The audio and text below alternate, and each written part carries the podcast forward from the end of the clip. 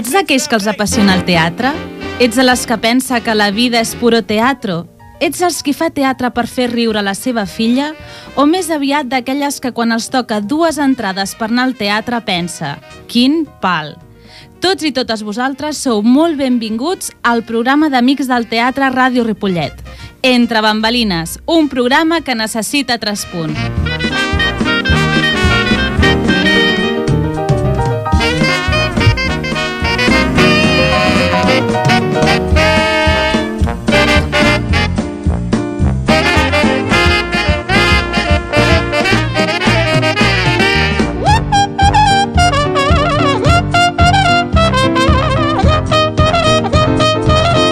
Bona tarda a tots i totes les que ens escolteu a l'altra banda dels micròfons i sigueu molt benvinguts al nostre estimat programa de ràdio Entre Bambalines. Fa uns dies llegia una autora que deia Per saber on anem cal que coneixem d'on venim. El nostre passat i el dels nostres avantpassats ens deixa una empremta que és inesborrable. Conèixer-la i comprendre-la és del tot imprescindible per saber qui som. Els nostres orígens són la nostra força, allò que ens fa estar relat a la Terra, segur de nosaltres mateixos i del camí que fem. A la vegada, ens ajuda a tenir una perspectiva de la història, de la nostra i de la global, del grup en el que participem, del poble on vivim, de la societat que ens relacionem, per tal d'emprendre noves empreses motivadores sense caure en els mateixos paranys que altres ja s'han trobat i que segurament ja han superat. El programa d'Entre Bambalines que ara escolteu va molt d'això, Avui parlarem de la figura d'en Domènec Torres amb algú que el coneixia millor que ningú, la seva filla, la Maria Dolors Torres. En Domènec va ser actor i director de teatre amateur Amics del Teatre de Ripollet, però va ser moltes coses més que podrem descobrir a l'entrevista d'avui. A més, en la secció dels Gary Musicals parlarem dels musicals de Disney, un tema que a mi personalment m'encanta i coneixerem els musicals produïts per aquesta empresa amb l'objectiu d'apropar-nos una mica més a la propera estrena que realitza Amics del Teatre aquest desembre. Tarzan, el musical. Per què mouen milers d'espectadors? En parlarem a la nostra secció dels musicals. Així doncs, iniciem avui el nostre passeig personal pels records i les experiències passades, tot reflexionant sobre l'actualitat que ens envolta. Comencem! Un dia llegaré Vengo para darte todos los besos que en el viaje me encontré. Te lo daré. El guió del programa d'avui el formen la Laia Vilardell amb l'espai dels petits grans actors, el Víctor Garibaldi i els seus Gari musicals, la nostra estrella convidada, la Maria Dolors Torres i qui us parla, l'Iris Alarcón.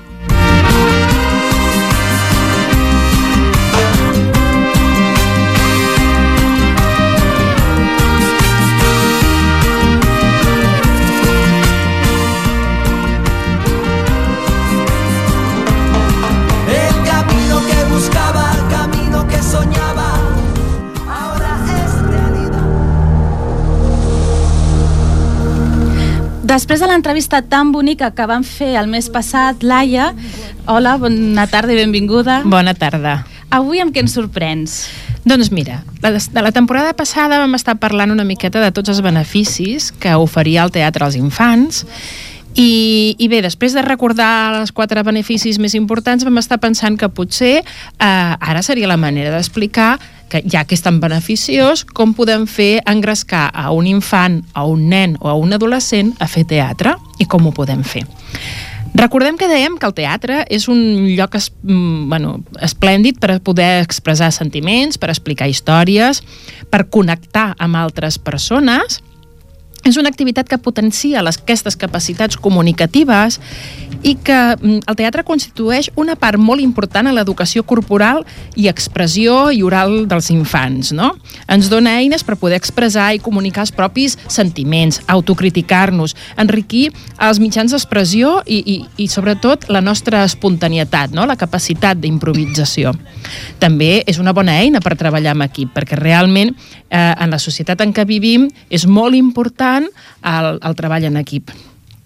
Els nens aprenen la importància aquesta de treballar de, man de manera conjunta i aprenen a valorar-ho, que jo penso que això és molt important. Oi, Iris? El fet de no només treballar en equip, sinó valorar el treball sí, d'equip. Sí, eh? és veritat, perquè moltes vegades eh, escoltem no, que tant els nens com després els adults, ostres, ara aquest eh, treball l'haig de fer en grup. En grup, i és un dalta baix. Exacte. Com m'organitzo, com em coordino, quan en realitat treballar en equip és sumar. No? I és, és molt més enriquidor, Exacte. i cada vegada les feines van més cap aquí, no? Mm. Per sort per, eh? sort. per sort. Per tant, penso que és important doncs, que els infants aprenguin a tenir projectes en comú i el teatre és un gran projecte en comú. Què és fer teatre? Fer teatre és jugar. És que és jugar. Què és el que més els agrada als infants? Jugar. Jugar. Doncs aleshores, juguem, juguem. No intentem, um, com ho diria, fer el teatre d'una manera acadèmica. Uh -huh. Fem un joc, Molt que és el que és. Aleshores, és imaginar, és viure experiències fantàstiques, que ells es creen històries diverses, ser personatges diversos. Sí, el que passa és que eh, jo he escoltat gent que es dedica al, al teatre infantil i a mm-hmm. dirigir-ne, no? que, el fet, que consideren que el fet de considerar el teatre com un joc mm -hmm. fa que el menys tinguis una mica al teatre, quan en realitat... Però és que penso que això anem molt equivocats, perquè mm. el joc, en si, el joc, és l'eina educativa més important, la més important que té qualsevol educador. La més important i la més bàsica. Mm i sembla que sigui, doncs, potser la menys, com tu dius, no? la més menys tinguda, no? I penso que, en, eh, sobretot en infants menuts, és que és a través del joc que podràs aprendre i fer moltes coses i, i ajudar-los, a, acompanyar-los, no? Donar-los de la mà en la, seu, en la seva evolució. És gairebé com parlar en el seu llenguatge, no? Clar, i és que és, i és l'eina bàsica. És que és l'eina bàsica. Esclar, perquè ells, ells bàsica. només juguen en aquesta edat. Clar, i per tant, si el teatre és un joc, escolta, ens va de meravella, no? Totes aquestes qualitats, com dèiem, amb els infants són innates. Jugar és innat, crear, imaginar. Mira, avui, com que sóc mestra, estava en el pati, eh, vigilant el pati i tal, i un anava amb un tricicle i anava carregant tot d'unes bobines que tenim grans, perquè, bueno, el tema del reciclatge, i les anava carregant en el tricicle. I li dic, com vas? I em diu, és que he anat a comprar al Mercadona. Ah. Clar, ha sigut boníssim que un nen de dos anys tingués aquesta imaginació per imaginar-se allò que havia anat a comprar, havia carregat el cotxe com fa el seu pare i anava passejant amb el tricicle pel pati, no? Dic, és que són fantàstics. Sí, és a dir, que gairebé podríem dir que el teatre en aquesta edat és innat, És també. que és innat, mm. és que és innat. Quan fan joc simbòlic, què fan? Teatre. I el joc simbòlic és el joc per excel·lència d'aquesta edat. I per tant avui ens centrem en això, amb els petits, eh, de 0 a 6. Un altre dia, si vols, parlem dels infants una mica més grans, els nens Perfecte. i nenes, i un altre dia els dels adolescents, no? Per tant, aprofitem tot això, aprofitem totes aquestes qualitats innates que tenen i aquesta necessitat de jugar i de simbolitzar i, i fem teatre. Com ho podem fer per això? Perquè, evidentment, a millor, doncs, si ho fem una mica... Si no ho fem bé, doncs potser es poden arribar poden arribar a avorrir, no, pobricos? O sigui que hem d'intentar sempre fer un tipus de teatre i uns tipus d'assajos doncs, que siguin el més adequat. Primer de tot, la història. Han de buscar històries que siguin adequades a la seva edat, que l'entenguin, que la visquin i que els motivi. Vull dir, evidentment, poder no, no ens interessarà fer algun tipus d'obra de teatre que ni sabran d'acabar, no? que no l'entenen, que no, no, que no, o que no, o que fins i tot no, so, no és propera amb ell la història. La història ha de ser propera a la canalla, no? quan són petits. Per tant, amb una història senzilla, curta, breu, que no tingui massa complicació, potser és molt millor que no pas la gran història, que tingui un nus allà desesperant, no cal. No cal fer un Shakespeare. No cal. O sí, a lo millor podem fer una adaptació d'un Shakespeare molt senzillet, molt senzillet, vés a saber, no? Però una història que sigui adequada a l'edat. Això per començar. Després, sobretot, respectar el temps de l'infant, que jo penso que això és una lluita eterna, Eh? Vull dir, corre que anem tard, vinga, va, puja, va, que, que et toca, vinga, som-hi. Respectem el seu temps. Ell necessita el seu temps, com nosaltres necessitem el nostre. I no podem obligar... A, a, I per tant, això és important. Eh? És una tonteria, però per mi és molt important permetre que aquell infant es prengui el temps que necessita per fer la seva, la seva activitat o per fer allò que li estàs demanant. Respectar el seu ritme. Clar, llavors aquí entrem, suposo, en que el, la tasca del director o la directora de planificar-se Moltíssim, molt però alerta, perquè en aquesta edat et pots planificar moltíssim i programar moltíssim, però has de tenir una capacitat d'improvisació bestial. Perquè al millor arribes i l'estat d'ànim del grup no té res a veure amb el que tu t'estàs preparant. T'has preparat potser o t'has programat doncs, assajar un tros en concret i dius, avui impossible assajar això perquè estan molt neguitosos o perquè estan cansats o pel que sigui, no? Aleshores has de canviar automàticament el que vols fer de la manera que ho vols fer. Per tant, has de tenir una capacitat d'improvisació, de canvi d'estratègies, de canvis d'activitats bestial. Jo penso que és important programar-ho, preparar-ho, evidentment, però a la vegada tenir allò, no? Tenir els recursos eh? Amagats. Adaptar-te Sí. al que hi ha, no? a l'estat d'ànim de, del Exacte. grup, eh? com està el grup i, i tu vas canviant. Per tant, han de ser assajos molt variats i molt dinàmics. Mm-hmm. I sobretot el temps, i, i tam- que no siguin assajos llargs. La capacitat també penso que és molt important que té el director de començar a veure petits símptomes de, de cansament. A la que hi ha un petit símptoma de cansament, plega plega, per molt que rondinin, que de vegades rondinen, oh, ja, ja s'ha acabat, ja s'ha acabat. Sí, m'estimo més que et quedis amb ganes Exacte, que que no no, pas- al contrari. que no puguis més.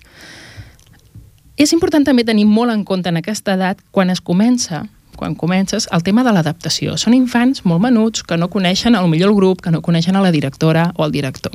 Per tant, això s'ha de tenir molt en compte, perquè nosaltres quan comencem una feina nova, per exemple, ens suposa un temps d'adaptació i estem neguitosos i estem nerviosos. Doncs imagineu-vos un infant que li costa més d'entendre certes situacions. Aleshores, el tema de l'adaptació és molt important. Jo sempre dic que cal molta complicitat amb el pare i o la mare, no? Moltíssima complicitat.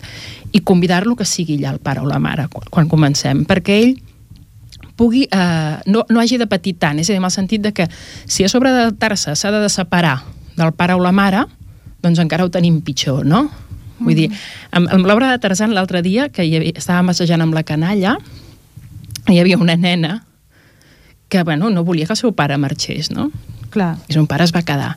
I va haver un moment que no el va veure i va treure el cap. Tu no te'n vas donar compte, no. Iris, però entre pambolines va treure el cap va veure que hi era i diu ai, sí que hi és el papa, Ai, sí. que mona. Van dir, menys mal, estic salvada, no? Si passa alguna cosa, el meu papa em salvarà. Està allà. Per tant, això se'ls ha de respectar, perquè són menuts i Clar. de vegades ho necessiten. Necessiten aquesta seguretat del pare, no? Aleshores, penso que el primer és un treball d'equip entre direcció i família. La família t'ha d'ajudar moltíssim. Si coneixem els infants, perfecte, perquè ja tenim molt camí guanyat. Però si no el coneixem, bueno, fem-li un tercer grau a la família. Preguntem als pares com són els infants, els seus fills, què fan, què no fan, què els agrada, què no, de quina manera ells actuen quan passa tal cosa, de quina altra perquè són els grans savis d'aquella criatura. Esclar. Els, bueno, les pares i les mares són els que et diran mira, quan li passa això, jo el tranquil·litzo d'aquesta manera i a mi em funciona. I tot això són eines que nosaltres ens aniran molt i molt bé per després ajudar aquella criatura. Per tant, tema important, que les famílies estiguin entusiasmades, involucrades i amb ganes. Si tenim les famílies contentes i amb ganes, Ja està, un heu 90% ten- i guanyat tu, perquè els nens hi van al darrere. No forçar mai a cap criatura. És a dir, si no surts, no sé què, no sé quantos, i oh, tindràs una piruleta si... No, no, no, no. Ell ho fa perquè li ve de gust. I si en un assaig no té ganes i vol mirar, que miri, no passa res. Exacte. I això ho hem d'acceptar i assumir. I no passa res. També hem de pensar que, clar, que de vegades les criatures mm, et poden sortir mm, per pataneres en aquestes edats. És a dir, potser un dia, el dia de l'obra, decideixen no sortir. I tu te n'has de saber, t'has de saber espavilar, perquè ell no vol sortir, doncs no passa res. Normalment tots surten el dia de l'obra, per això no sé què ho fa. Tots s'animen, normalment. Escoltar com respon a qualsevol cosa amb els cinc sentits, no només amb l'oïda, sinó de vegades pensem que dalt de l'escenari la, la gesticulació, les expressions, les mirades són molt importants. I a lo millor amb una mirada aquella criatura t'està dient que no, que no se sent a gust o bueno, que ho està passant malament o que no li agrada o que s'avorreix. Per tant, és molt important, molt important que, ens, que estiguem molt atents a cada criatura animar-los a fer petites propostes, encara que siguin petits, segur que tenen idees, no? Millor un et diu, jo aquí si dono una volta, jo crec que, escolta'l, i si és una cosa que pot ser viable, Endavant. fer, endavant, perquè realment això els farà que se senti gran, gran amb el sentit de gran i d'important. Partícip d'allò que estem Sí. fent.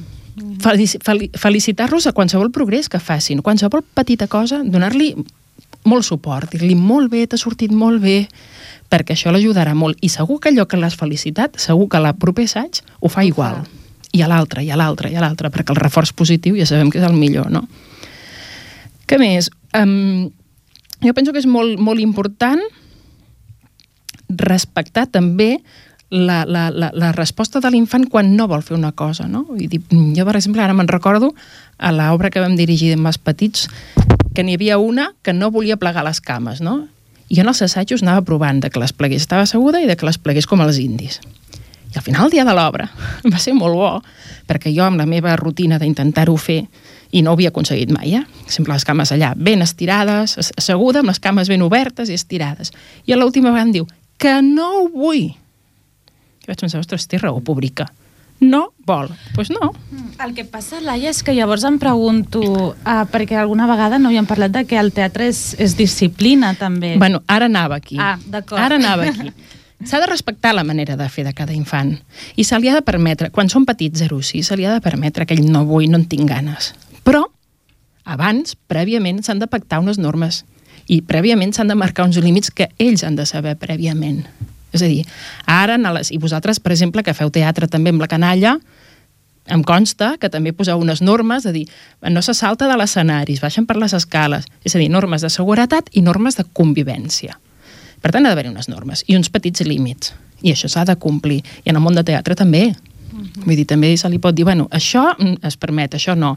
Clar, això ho has de decidir just abans de començar els assajos i informar, no? I, i compartir. Més que informar seria compartir i posar-nos a tots d'acord, que permetrem i que no. Uh -huh.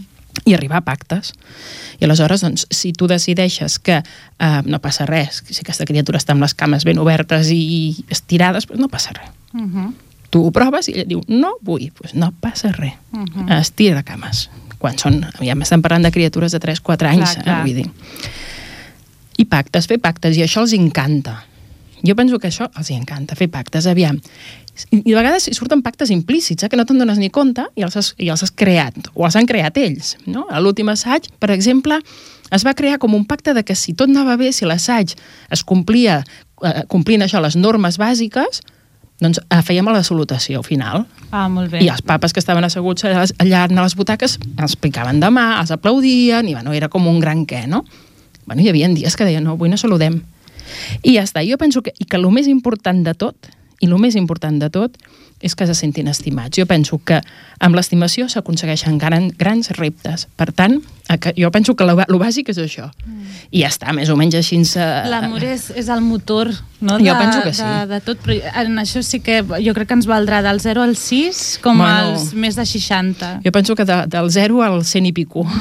Clar, perquè l'amor porta la comprensió, porta el perdó, sí. el pacte... Sí. I, i, i una persona quan se sent estimada, se sent segura, se sent feliç, se sent bé, se sent receptible, vull dir. Exacte. Doncs Laia, llavors jo crec que amb els, aquests nens de 0 a 6 anys ens podem quedar amb això que ens deies, no? de, de planificar bé els assajos però ser molt capaços d'adaptar-nos. D'improvisar i adaptar-se a qualsevol situació. I, I a més jo crec que és una de les coses que la gent que ens dediquem a dirigir nens és una de les, coses, de les grans coses que podem aprendre d'ells, mm. a, a improvisar i adaptar-te. I a tenir una agilitat que, i uns reflexes en moments determinats, sí. Doncs molt bé, Laia, com sempre, molt interessant. Moltes gràcies. Uh, llavors què fem? Vens al mes vinent i parlem del 6 a... Sí, si voleu parlem del 6 a 12. Perfecte. Que és un altre món. Eh, una, i tant. Un altre món. Doncs molt bé, moltíssimes gràcies, Moltes Laia. gràcies. Fa una nit clara i tranquil·la hi ha la lluna que fa llum els convidats. El 20 d'octubre del 2013 a l'Auditori es va fer un acte en record del, i en homenatge a en Domènec Torres. Com us explicava al principi del programa, avui està amb nosaltres la Maria Dolors Torres. Hola, bona tarda, Maria Dolors. Bona tarda, Iris, i Molta... companyia. Moltes gràcies per estar aquí amb nosaltres. Um, la veritat és que jo vaig poder assistir a aquest acte, que va ser preciós. Moltes felicitats, Maria Dolors, perquè va ser molt i molt bonic, molt emotiu i um, estava allà entre el públic mirant-me l'acte i vaig pensar hem de parlar amb la Maria Dolors, amb la Maria Dolors de, del senyor Torres, no? perquè hi havia molta gent que... Que li deia el senyor Torres. El senyor Torres. Ens podries ajudar? Comencem explicant qui va ser en Domènec Torres? Sí, bueno, aviam com us ho explico jo. Era un home molt recte, era un home molt, molt de lletres, a part d'això era molt, molt atent, molt carinyós, i una persona que sempre estava disposada a fer qualsevol, poble, qualsevol cosa pel poble. Vull dir, li demanava una col·laboració amb el que fos, amb el cor, amb les sardanes, amb el patinatge, també els va ajudar. Vull dir, i és clar, llavors hi ha hagut com un boom de, de tota aquesta gent que ha dit, pues sí, pues jo recordo que havien dit que el senyor Torres ens va ajudar com vam fer això, com vam fer allò, i clar, això ha sigut, bueno, i el principal ha sigut tota tot, tot, tota aquesta comissió que he tingut, que ha sigut, bueno, ha sigut el màxim, fabulosa. En el teu pare, Maria Dolors, en quin any va néixer? El 1913. Val.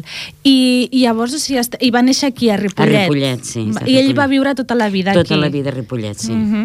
I va, ell va poder anar a l'escola... Sí, bueno, amb límits, perquè aquelles èpoques s'hi anava molt. Hi ha l'anècdota que ell, amb 5 anys, ja recitava molt, molt bé. I el senyor mestre pues, li va dir, pues ara feien una mica com de fi de curs que es fa ara. I, i, i deia, tothom, jo veureu aquest nano el bé que recita. I com va ser l'hora, es, es va posar a plorar i no va voler recitar. I sí que no ho va fer-ho. Justament el que ens deia la Laia ara fa un moment, no? De que, just, mira, tenia 5 anys, sí. no? Tenim un exemple. Sí. I, això, I això no vol dir res, mm, perquè després en Domènec ara ens ho explicaré, és que n'ha fet moltes més, en va fer molt de en teatre. va fer molt de teatre i de jove, i ell sempre, vull dir, amb els amics, amb el que fos, ell sempre ha estat dedicat al teatre. Mm. És a dir, que tu creus que en Domènec Torres va tenir el coquet per les arts des d'un ben principi? Des de petit, petit. Molt, però a més a més, esclar, ell era músic, en aquells temps ell va anar al Conservatori a Barcelona de, de, de música abans de, de la guerra, que ja, mm -hmm. ja es dit, i, I tocava el violí. I com s'ho va fer per poder anar al Conservatori? pues, ah, sí que m'has mort. Ah, mal. No, no, no, però no sé, vull dir, suposo que aquelles èpoques tampoc hi devia haver molt, massa gent que, que, que es dediqués a això, i ell tenia molta afició a tocar el violí, i, eh, i es va apuntar i, i sé, sé que anava, anava a Barcelona. No, perquè sobta justament en, a, en aquesta època no, de que el, conèixer algú que va poder anar al conservatori, que va poder tocar un instrument... I, Maria Dolors, llavors, explica'ns una mica com en Domènec Torres arriba Amics al Teatre o què és primer, en Domènec, Amics al Teatre, com va funcionar això? Bueno, ell ja de, de jove ja, ja feien teatre amb un grup d'amics d'aquest poble, el, el Mus d'Ausà, per exemple, que és el pare, és l'avi de tota la Teresa Trullols.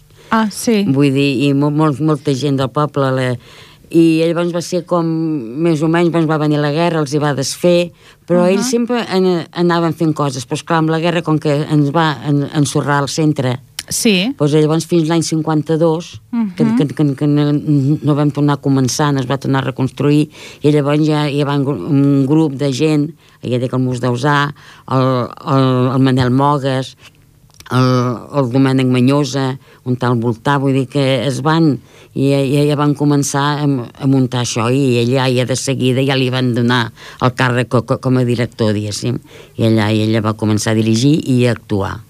Mm. És a dir, que podem eh, m'imagino eh, el teu pare, el Domènec, com una persona amb grans inquietuds i amb una gran capacitat de fer i de motivar no? a, la, a sí, les persones. Sí, sí, perquè inclús abans de la guerra ja amb un grup de, de, de joves d'aquí Ripollet ja, ja va ser com van decidir fer una orquestra uh -huh. I, i es deia la Gaiet i Jazz Uh -huh. I llavors també tots més hi havia el, el Pere Miquel, que suposo de sentir, tothom el coneixeu, hi havia el Geni Serra, gent d'aquí al poble, que també més o menys tots havien anat a, a estudiar. I va ser quan, quan ja va també per fer l'orquestra. I llavors ell, que, que li passava? Que al fer l'orquestra amb, el, amb el violí li anava malament. Ah, per clar. Els balls. I llavors...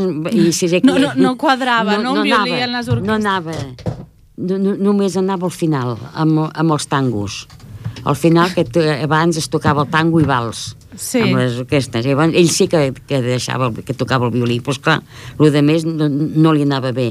I llavors se'n va enterar que a Barcelona hi havia una orquestra de, de jazz molt, molt bona, hi havia un, un bateria que era molt bo, i també van allà que, que li donés classes.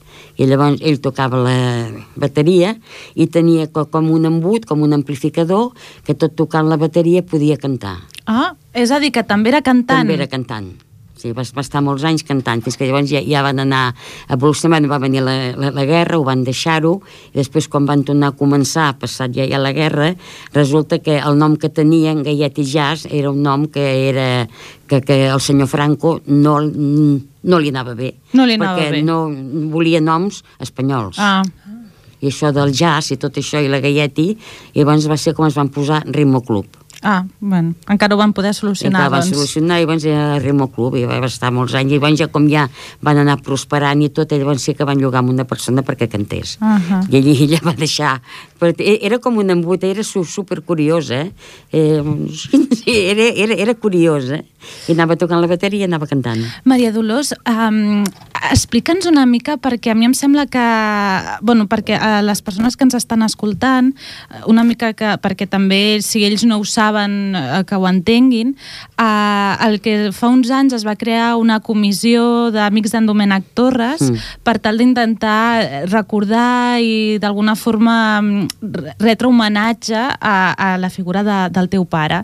I aquesta comissió sobretot està formada per persones que, que han tingut un contacte amb ell van tenir un contacte amb ell i sobretot em sembla que van ser uh, persones que, uh, que van estar dirigits pel Domènec, oi? Mm. Persones que de molt joves van conèixer el teu pare i llavors van, uh, ell els va dirigir. Bueno, el meu pare els, els, els va anar a buscar a les escoles. Els va anar a buscar. Va anar per les escoles de, de, de demanant gent. I clar, va agafar un, un, tot un grup, de, la majoria eren immigrants, mm Mhm. -hmm. nens acabats d'arribar, que, que anaven bastant perduts, que no estaven ubicats, mm -hmm. Mhm. i esclar, doncs, amb, el teatre jo tinc la satisfacció que molts em diuen si no hagués sigut el teu pare, segur que jo no hagués arribat on soc. Mhm. I a més a més el meu pare doncs, va, va començar fent-los i fer coses en castellà i coses de mm, com, com, comedietes i dels Árboles Quintero i alguna coseta perquè així anessin a- adaptant i com ja els tenia enganxats llavors de mica en mica els hi anava introduint coses en català. Llavors tenia un grup que també eren els catalans, diguéssim, i llavors els anava, els anava ba- barrejant una mica. Ja, ja t'entenc. I llavors, vull dir, és que ell diu que ells el que els encantava més és que ella llavors, quan els acabava d'assajar, el, el reunia allà a l'escenari i els explicava històries. I és que històries de la guerra, històries del poble, de quan ella jove, i bueno, això amb ells veu que diu que els hi era, no sé, sempre m'ho han comentat, que estaven esperant anar a assajar, acabar d'assajar, i després ja se sentaven allà al seu costat i escoltant les històries. Ja. És a dir, l'important també no, del que alguna vegada hem parlat, Laia, eh, que justament també ho parlàvem avui, de- d'estimar els teus actors, de, de fer-los partíceps de la teva mm, vida, sí, sí, de, sí. d'edu- al final d'educar, de donar el- valors. I tant. Maria Dolors, i tu has tingut, vas tenir la sort també de poder eh, compartir escenari amb el teu pare. Sí. Com és l'experiència? I jo que el meu pare, que ara em deu estar escoltant, un saludo, papa. Pobre. Eh, però jo no m'imagino com ha de ser compartir escenari amb, amb el teu pare, amb algú que, que ja t'ensenya i que és un, una figura important i un no sé com, no? Una, un referent a la teva vida, portat a l'escenari, dalt de l'escenari, com, com, quin sentiment era? A mi em, em donava una, una seguretat, però Sí. una cosa bestial. Eh? Vull dir, quan ell em deia, tira, que, que, que, que vas bé, ja, ja estava, vull dir, no sé, és la mateixa cara, surto amb les meves filles, i, i també em fa moltíssima il·lusió. Quan surto amb la Mònica i amb la Judit, doncs també és una satisfacció.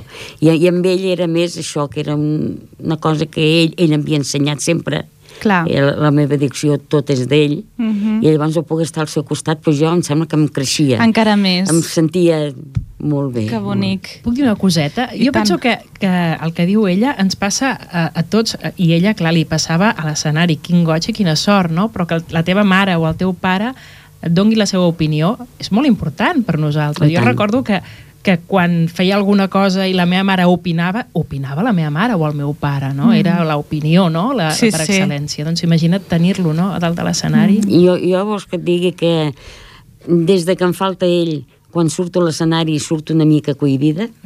Esclar. perquè trobo a faltar que em digui tranquil·la, fes que vas bé.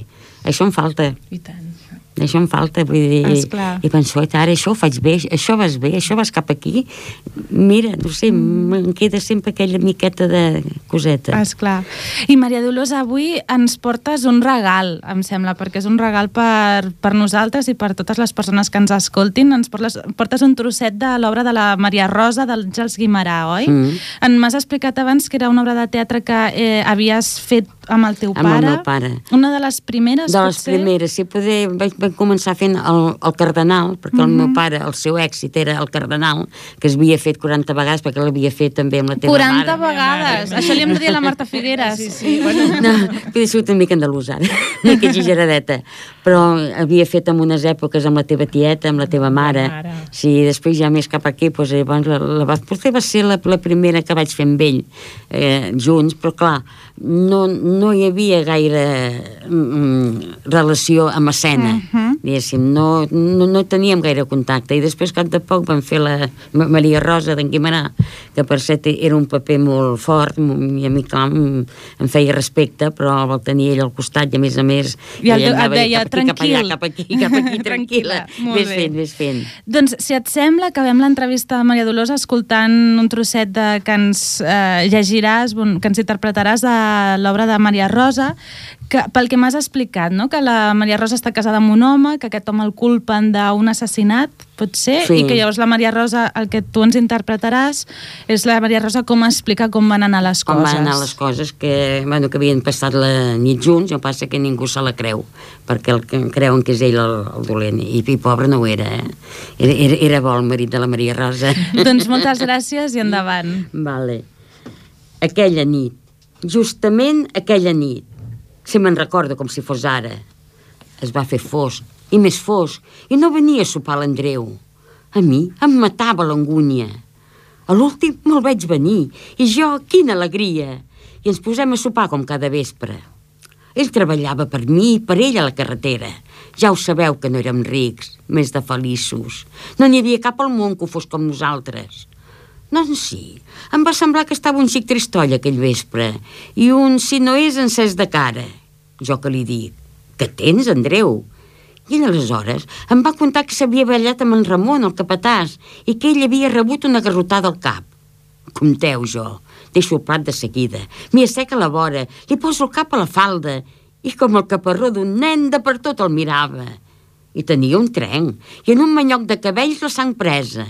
No era res, més jo, rient i jugant com una boja, li vaig xupar el cap amb aigua fresca i li vaig embolicar amb un mocador, mateix que una dona.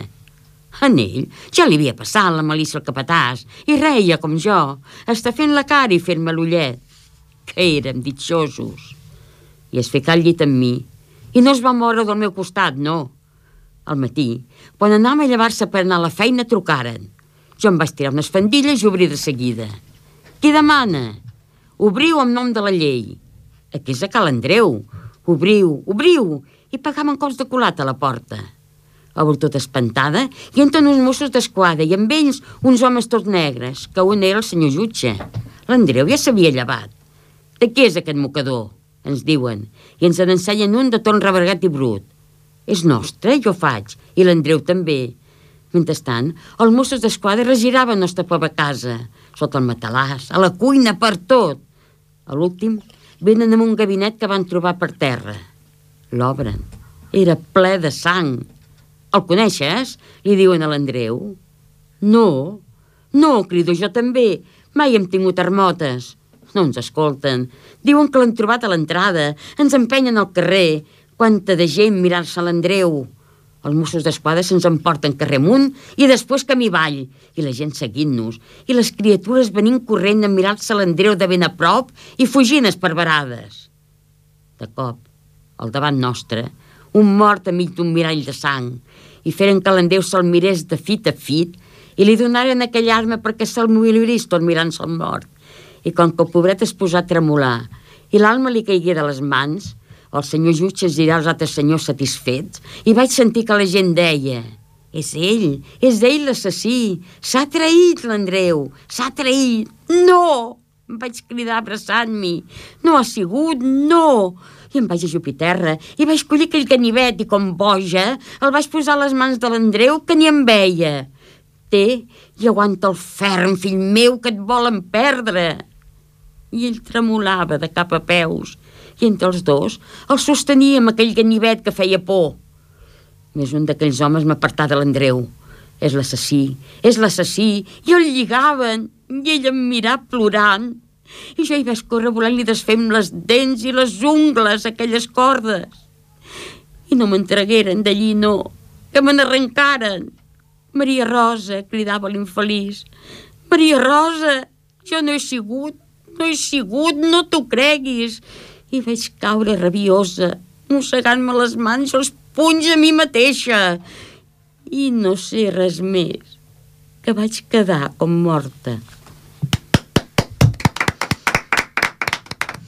Molt bé, Maria Dolors, moltíssimes gràcies. Bueno, és salvable. La veritat és que eh, pèls a punta, eh? És teatre en majúscules, això. Doncs, si us sembla, canviem ara de, de tema, tot i que costa, perquè encara tens la gola encongida. Canviem totalment de tema i ens anem a, a la secció dels gari musicals. Víctor, hola, bona tarda, benvingut. Bona tarda, Iris. Porto un any i mig esperant aquest programa. No m'estranya.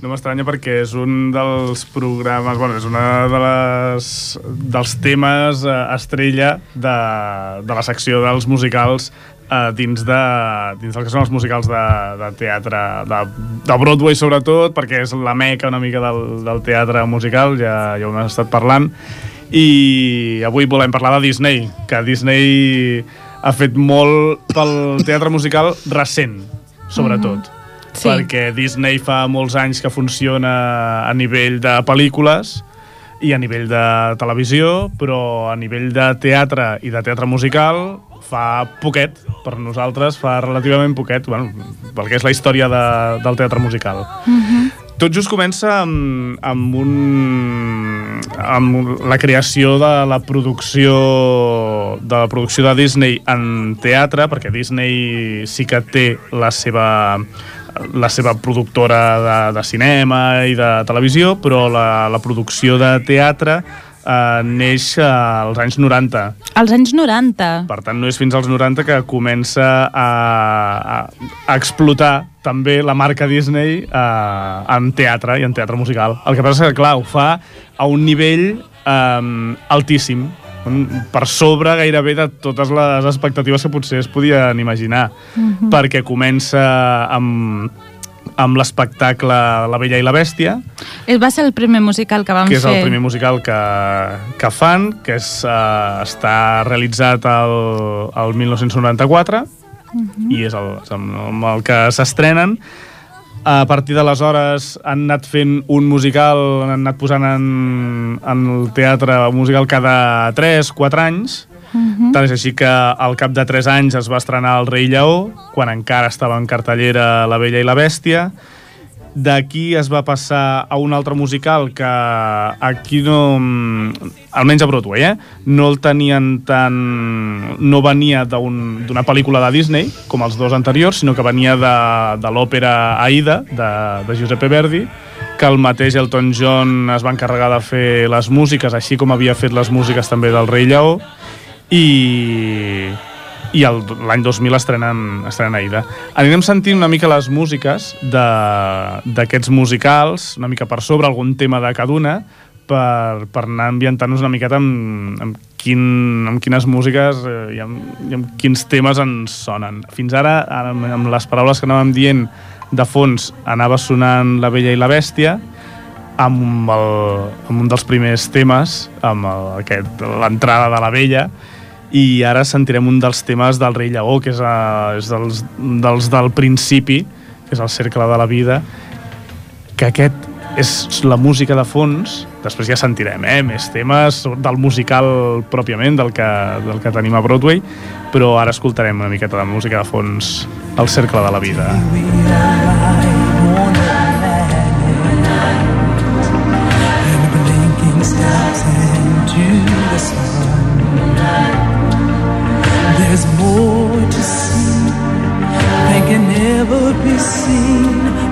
more to do than could ever be done. It's far too much to take in here, not too fine than could ever become.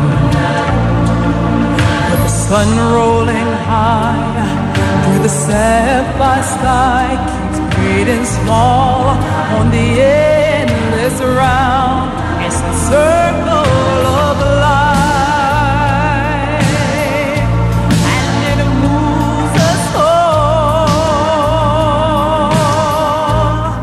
El rei lleó. Mm, El qui no ha vist la pel·lícula és estrany, però vaja, amb el rei lleó... Després ens entretindrem una miqueta més, eh? perquè, clar, eh, crida molt l'atenció que un musical estrenat fa 16 anys a hores d'ara encara es mantingui en cartellera ininterrompudament a Nova York.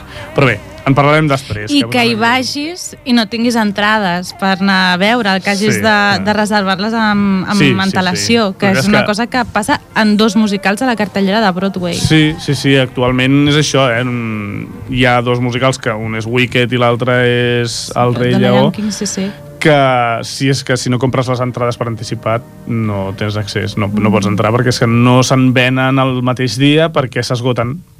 Té un èxit absolut. Després parlarem de, de per què Després creus que, que és Sí. això. Després acabem de comentar, perquè aprofundirem una miqueta més amb el Rei Lleó per això, perquè val la pena destacar-lo dins dels musicals de Disney, Mhm. perquè és, és, clar, és l'èxit absolut de, dins dels èxits que han anat tenint tots els musicals de, de Disney Mhm. a Broadway, clar, és, és la referència número 1. Passem al musical d'Aida, el que estàvem comentant, ara també el sentirem, el anirem sentint de fons, un dels temes, un dels primers temes, és el que dèiem, és un musical que per primer cop mm, Disney no adapta un tema, una, una pel·lícula seva, sinó que adapta un, una història que no, que no té res a veure, com si diguéssim, és una història, és això, és l'òpera d'Aida, de Giuseppe Verdi, que la història és el que agafen i el que evidentment canvien és, bueno, adapten molt la història en si i, i li afegeixen músiques que no tenen absolutament res a veure. Són creacions absolutament noves totes de l'Elton John i que és això, no tenen res a veure amb l'òpera. Que aquí esperés anar a veure Aida i trobar-se amb alguna àrea de les seves, doncs, Doncs no. sortiria decebut, decebut segurament perquè, perquè no té res a veure tanmateix eh, va tenir èxit, eh? va, estar un, va estar dos o tres anys en cartellera i, i va estar... Tot i que no és un musical que hagi arribat aquí a Catalunya. Aquí no, mm, ni a Catalunya ni a Espanya Aida no va sortir massa de, en el panorama internacional com altres produccions que, que ha fet Disney. Sentirem una miqueta de fons aquest tema.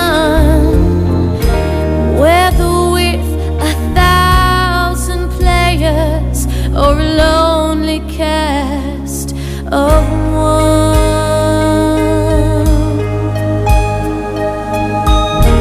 Every story, new or ancient, bagatelle or work of art, La veritat és que tens raó que escoltant aquesta música, per res, t'imagines que això està basat en una Una òpera. òpera, exacte. No, no. Però la música és molt maca, la veritat és que amb Elton John van Home, trobar clar. algú amb qui refiar-se'n i amb qui tenia èxit. I és veritat Sí, que jo també em refiaria de l'Elton John, sí, em sembla. Sí, sí, clar, i més veient que que, que donava que els donava molt, molt rendiment. Uh -huh. um, passem a un següent musical, que tampoc tenim massa temps, Vinga. i hem de repassar els vuit musicals Vuit, que, mare de Déu, doncs som-hi. que Broadway ha estrenat. Hauríem de parlar de Mary Poppins, encara Hombre. que no es va estrenar a Estats Units. Ah, Es no? va estrenar a Anglaterra Ah, el bé. 2004 i a Estats Units es va estrenar el 2006. Mary Poppins val a dir que és un dels musicals que, tot i que ara encara està en cartellera, Sí. Uh, va patir un, un trasllat, bueno, una gira d'aquestes que fan els americans que Sí.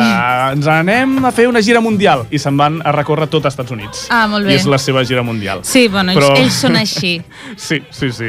Ells però, són el món. Però res, res, aquesta gira un parell d'anys i, i continuar tirant milles. Mhm. I, I triomfa. És que és un dels espectacles que sí que pots trobar amb preus de descompte Sí. a les botigues de TKTS de Times Square i d'un parell de llocs més que hi ha, però, però és de les que triomfa, eh? El que passa és que a més Disney és com que, va, amb el rei Lleó anem a posar animals a sobre de l'escenari i els posen. Mm. Sí, sí. Va, anem a fer màgia, perquè Mary Poppins és màgia. Anem a fer que volin, doncs també. I també, també. Fan uns espectacles que és que tenen èxit perquè la producció i la idea que, que tenen és... és Espectacular, és i se- se- se'n va de la- de l'imaginari. Sí, és, és l'essència una mica de, de Broadway, al cap i a la Sí. fi. Han recollit el que Sí. Broadway fa allò que sembla impossible de fer, Exacte. Doncs ells ho han, Ells ho han exportat al màxim exponent. Clar. Totalment d'acord. I fan coses que, és que no t'ho pots imaginar. Com pot ser que facin això? I sí, ho fan. Totalment d'acord. Doncs amb Mary Poppins, de Mary Poppins fem un salt. Eh, en aquell mateix any, de fet, s'estrena als Estats Units Tarzan. Ah, aquesta em sona. Aquesta ens sona, eh? Aquesta... Avui la tocarem molt per sobre perquè la setmana que... eh, el mes que ve ja aprofundirem una miqueta més. Però Tarzan eh, és el quart espectacle de producció pròpia de, prèvia de Disney, és a dir, que primer fa la pel·lícula i després la porta a l'espectacle teatral, però és el primer en el que no, no acaba de tenir èxit. Ah, no em diguis. No acaba de tenir èxit, tot Com i estar ser? un any i pico, eh, o dos, eh, Ja. en, cartellera. Clar, és que estem parlant de que per Disney que no tingui èxit és que Clar. no estigui més enllà de dos anys. Sí, més enllà, o 3 o 4 o 5, que és els que, el que acostumen a ser-hi. Um, bé, Tarzan és agafa la història eh, gairebé fil per randa que, que explica la pel·lícula i la trasllada al teatre amb molta espectacularitat, amb les mateixes cançons que tenen en el, a la pel·lícula, inclús amb alguna més, agafen el Phil Collins com a, com a lletrista i com a compositor de les, de les cançons. Va, i no diem res més perquè així ho parlem el mes vinent. Uh, sí, sí, això, això. Va, així la gent eh, es quedarà esperant a casa aquest mes a, a veure què, a veure què, no? Doncs sí, sí, sí, ja us avancem quatre cosetes, però, però això realment, eh, amb Tarzan no té tot l'èxit que potser s'imaginen, però, però clar, agrada molt i és un espectacle impressionant. Sí, també. a nosaltres ens agrada molt. Molt, molt, molt, molt. D'aquí saltem a un altre musical que, que ja és de, que també és de producció pròpia, el que passa és que no ve d'una pel·lícula inicialment, sinó que bé, és una pel·lícula, però és de nens, és, després eh, fan un, una sèrie, que és eh, High School Musical.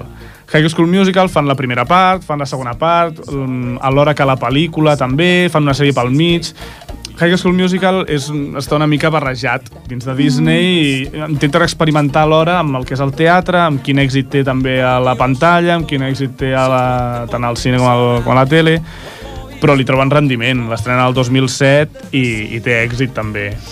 Potser és el musical eh, on es veu més aquesta explotació econòmica Sí. que ells... Sí, és, no? és la vessant més comercial. Exacte, sí. És anem, a, anem a rendibilitzar al màxim Sí. la idea que hem tingut Sí. i anem a fer pel·li, anem a fer Sí. sèrie, anem a fer És el, musical. el menys Disney de tots, el menys màgic de tots, potser? Sí, segurament. Al- Almenys a nivell teatral. Exacte. Perquè és veritat que Home, clar, a nivell de després. pel·lícula, doncs, bueno, sí, sí, clar, High Mhm. School Musical, tots els nens els hi entra perfectament, el, el Disney Channel de la tele també tira molt. a nivell de màgia, no? de la màgia Mm. que parlem en els altres musicals com el Rei Lleó, com Tarzan, com Mary Sí. Poppins, potser és el més... És el musical més realista. Més realista, Sí. és cert. I d'aquí ja podem saltar a un altre que ens encanta, que Mm, és home. La Sirenita, de Little Mermaid, de, que l'estrena el 2008, amb el mateix èxit, podríem dir més o menys, que Tarzan, també està com un ben parell bé que d'anys. nosaltres et triem els musicals. Sí. Bueno, expliquem que és que justament tu i jo vam dirigir junts a una versió de, de la Sirenita de, que era sota del mar amb, la, amb un grup de nenes. Exacte. Amb el grup de nenes que ara estem preparant el Tarzan. Sí, que formen part de l'elenc del Tarzan. I la veritat és que és un musical que és molt potent també, perquè aquí tornen a apostar per la màgia, tornen a crear un, un oceà dins del teatre, amb balls, un pop cançons... allà, que era, la... és que era brutal, sí. a mi em semblava increïble. increïble. Està molt ben fet, torna a recórrer Molt. la màgia, torna a tenir molt èxit, però per ells, bueno, aquest èxit, si no supera no, segons què, doncs no n'hi no ha prou, potser.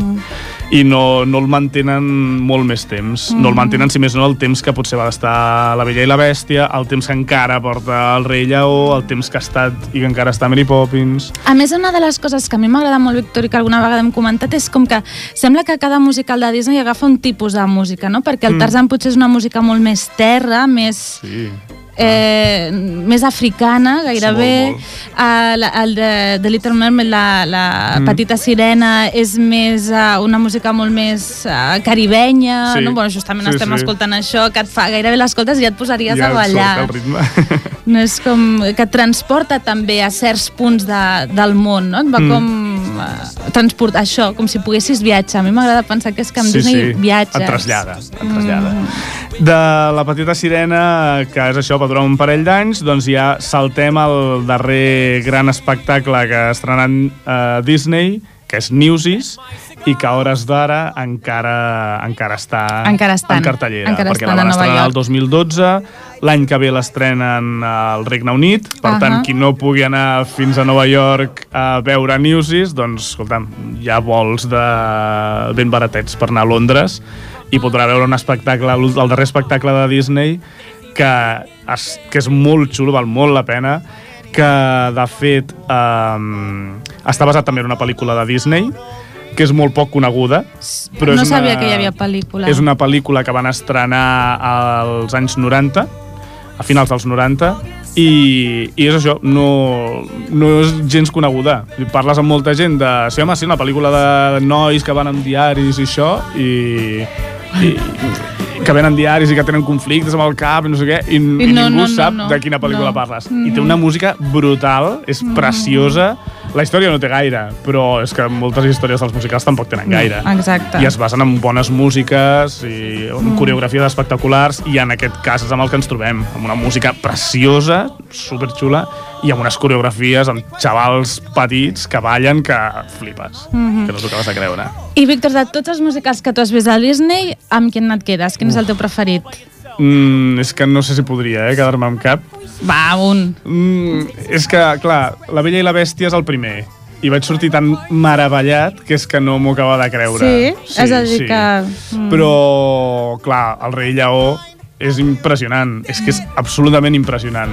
Llavors, quedar-te amb algun és molt difícil. Tampoc els he vist tots, per tant, tampoc, tampoc t'ho sabria dir. Sí que voldria avançar un parell de cosetes ràpides per això, dos apunts. El primer, que mm, properament Sí. hi ha nous espectacles a Disney en previsió d'estrenar. L'any que ve s'estrena Aladdin. Oh! Aquesta l'hem d'anar a veure. I previst, en previsió hi ha el llibre de la selva, uh, Alicia al País de les el llibre de Meravelles... Selves se'ns copien, eh? Sí, sí, sí. Tot i que és d'ells, però bueno. Això, el llibre de la selva, Alicia al País de les Meravelles i el Japerut de Notre Dame, que ja Ah. l'havien fet en producció Disney a Alemanya, però només a Alemanya i en alemany. I fins aquí.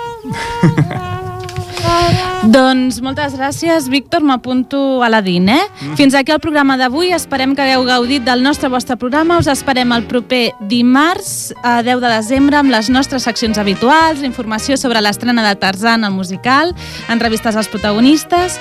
Si teniu ganes de tornar-nos a sentir la nostra veu i no podeu esperar un mes, recordeu que ens podeu tornar a escoltar en la repetició del programa el diumenge o als podcasts a la web de Ràdio Ripollet. I a més ens podeu seguir al Facebook i a la pàgina web www.amicsdelteatre.com. Fins aquí un mes, sigueu molt feliços i visca, el teatre!